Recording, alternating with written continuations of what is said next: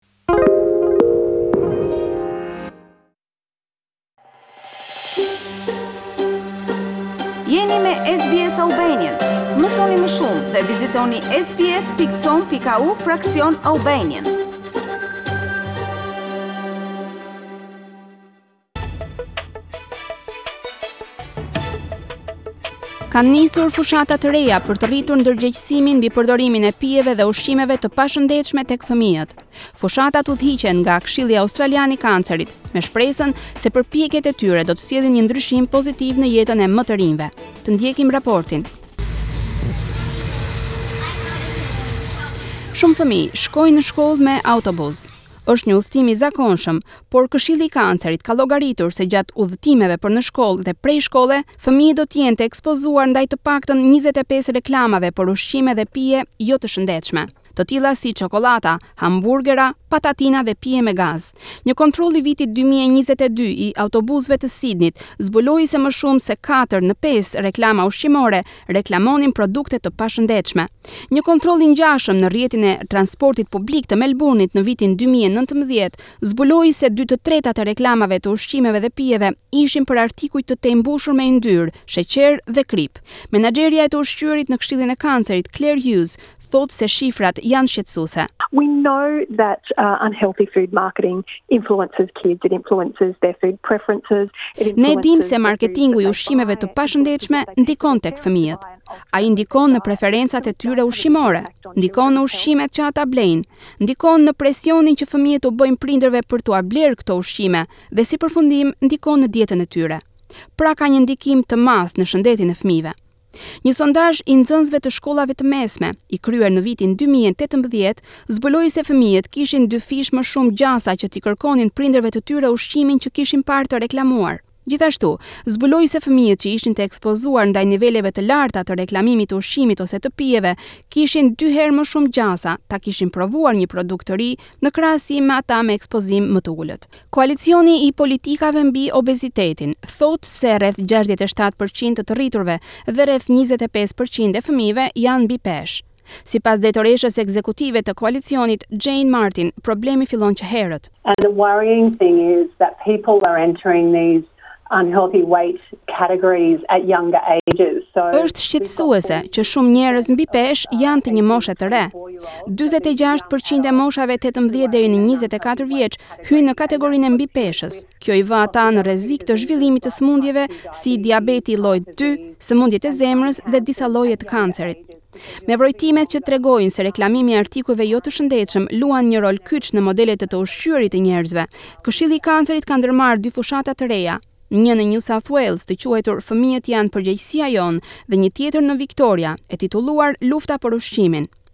Mesazhi i tyre është i njëjtë, marketingu i ushqimit jo të shëndetshëm që synon fëmijët duhet të ndalohet.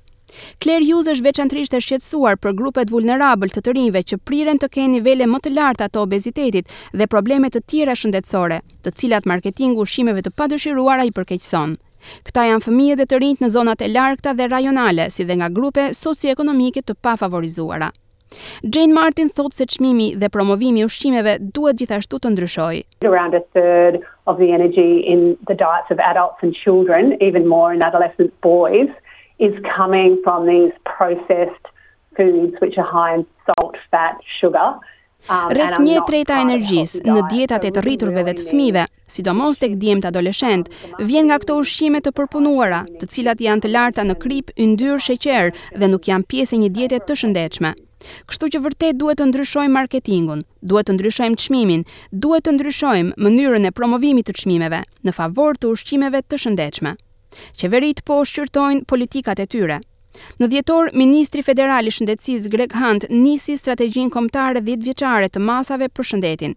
Ai tha se fokusi i sistemit shëndetësor do të zhvendoset nga trajtimi i njerëzve në masat parandaluese që ruajnë shëndetin e tyre. Por Këshilli i Kancerit dhe Koalicioni i Politikave të Obezitetit thonë se politika e qeverisë në lidhje me shëndetin lë për të dëshiruar. Në katër mars, qeveria federale publikoi Strategjinë Kombëtare të Obezitetit për dhjetë vite të ardhshme. Kjo strategji do të udhëzojë qeveritë e shteteve dhe partnerët e tyre në marrjen e masave për të parandaluar obezitetin.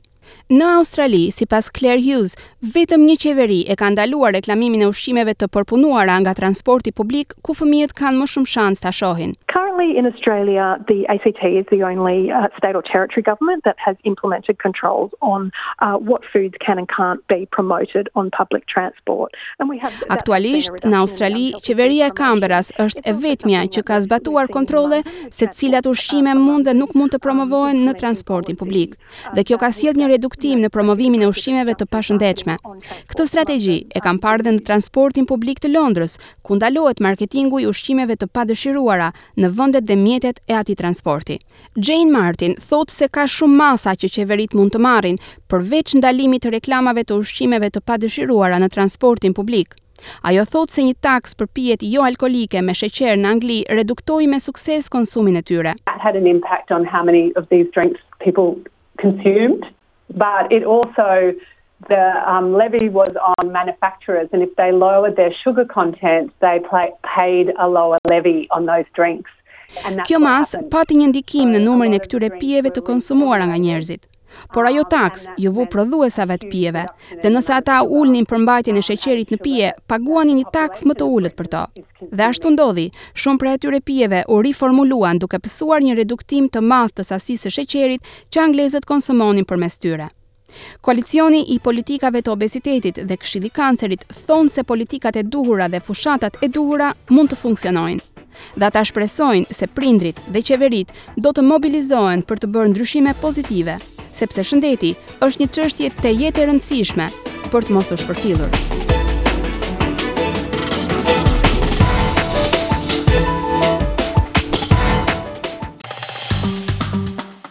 Klikoni në like, ndani dhe komentoni SBS Albanian në Facebook.